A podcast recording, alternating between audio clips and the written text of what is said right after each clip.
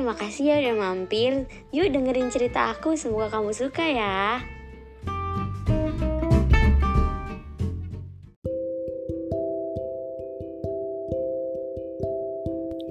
Hai, selamat malam semua. Ini jam 2 lewat 13 uh, malam. Apa malamnya pagi nih? Dan aku belum tidur karena uh, abis nonton Genius Kitchen. Uh, terus abis ngerjain tuh project gitu nulis gitu untuk tambah-tambahan nulis. And then mungkin mau enjoy the last uh, vacation. Vacation house ya. Ya menikmati hari-hari liburan yang udah mau habis karena tanggal 3 udah mulai back to tempat kerja udah mulai rapat rapat udah ada agenda ini itu. Jadi kayak hmm, mungkin meskipun kurang sehat begadang tapi habis ini aku tidur kok. So apa sih yang mau diceritain untuk cerita sebelum tidur ini adalah honestly aku tuh mau bilang bangga banget sama satu orang temen. Uh, kita tuh nggak terlalu akrab dulu tapi um, dia mau belajar dia mau nanya dan mau ngajak temennya yang yang kayak gini which is aku untuk sama sama-sama ngasih saran dan masukan ke project dia. Uh, and then dia juga mau bantu aku untuk wujudin satu mimpi aku untuk jadi penulis which is dia masih berusaha untuk bantuin aku. And then aku sadar bahwa wah jalan tuh selalu ada ya gitu.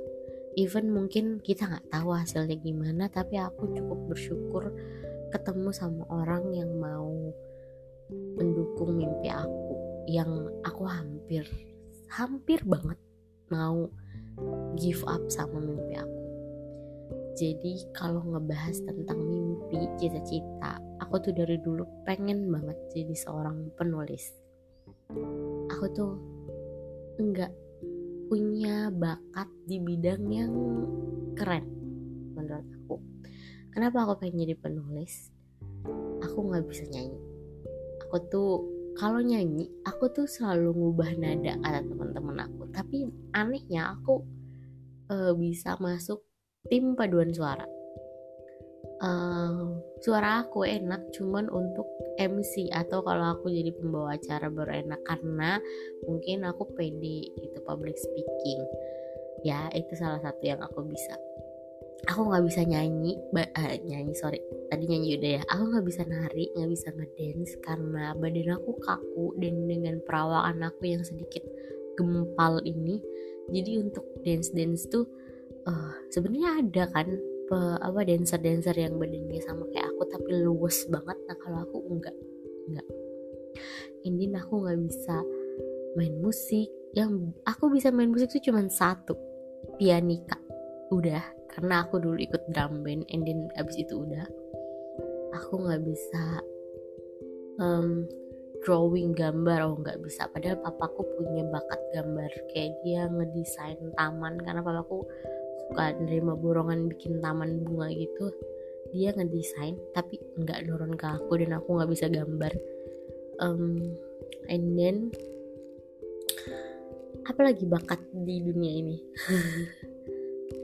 aku nggak ya itu nggak bisa nyanyi bisa nari segala macam jadi aku tuh pengen punya satu bakat tapi menghasilkan karya.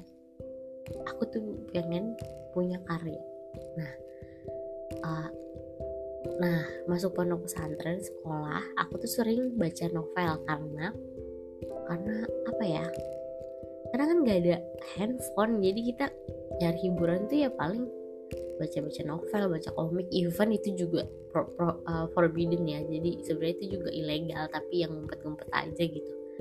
Nah, um, dari situ tuh aku punya satu cita-cita mimpi kak aku pengen punya aku pengen bisa nulis karena tuh aku sering banget suka banget nulis coret-coret bikin kata-kata alay and surat-suratan aku tuh kalau surat-suratan sama orang yang deket sama aku jangan dicontoh ya itu aku nggak bisa kalau cuma ngirim satu lembar. Kalau aku ngirim satu lembar surat itu tuh berarti aku not interest to you atau not into you gitu.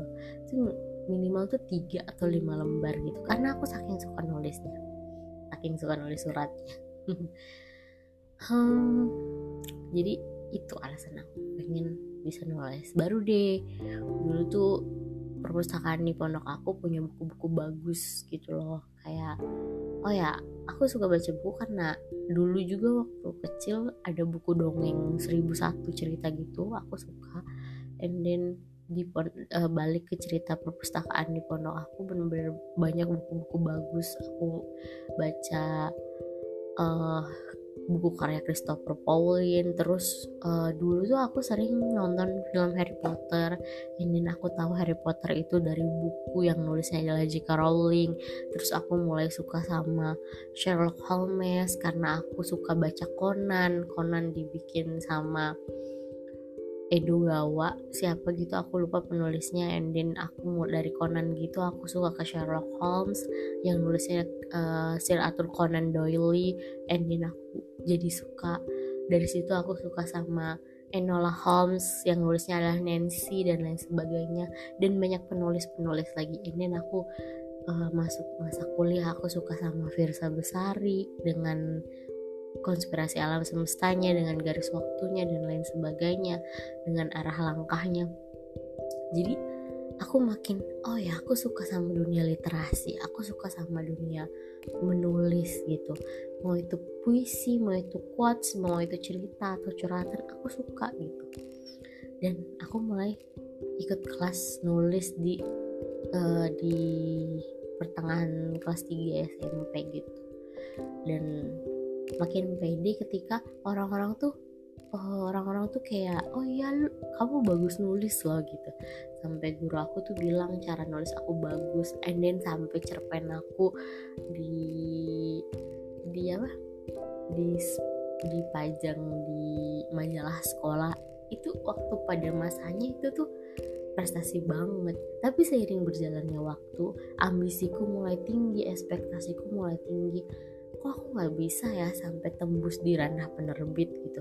Sedangkan banyak penulis-penulis muda di bawah aku yang umurnya gitu ya di bawah aku yang udah bisa terbitin buku. Terus uh, bukunya udah difilmin lagi atau apa gitu. Dan ending aku mulai berpikir kalau apa aku emang sebenarnya nggak bakat ya di bidang nulis gitu. Tapi balik lagi saat aku berpikir kayak gitu Tuhan itu selalu nunjukin orang-orang yang bilang dan ngingetin kalau ya udah terus aja. Kalau kamu suka ya terus aja. Entah kapan kayak entah kapan kayak tulisannya itu gak akan mati gitu. Salah satu motivasi aku untuk menulis kenapa? Kenapa pengen sih pengen punya karya buku gitu? Karena hmm, karena aku pengen hidup terus aku pengen hidup dan dikenal sama generasi selanjutnya. Kayak um, kayak penulis bumi manusia.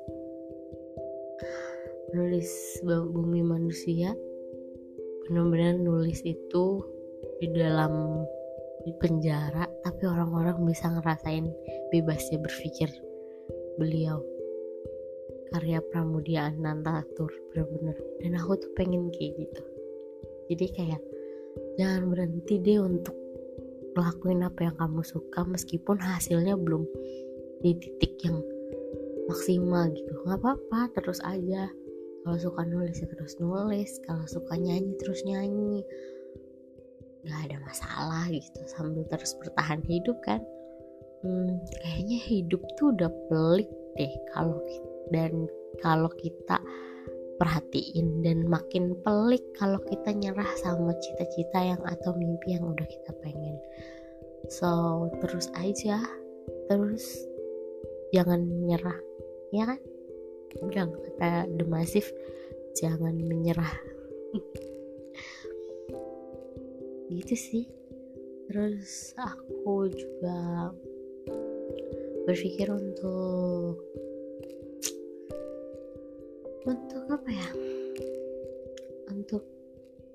terus nemuin apa yang aku suka sih. Dan gak fokus sama apa yang aku gak suka atau apa yang menjadi kelemahan aku.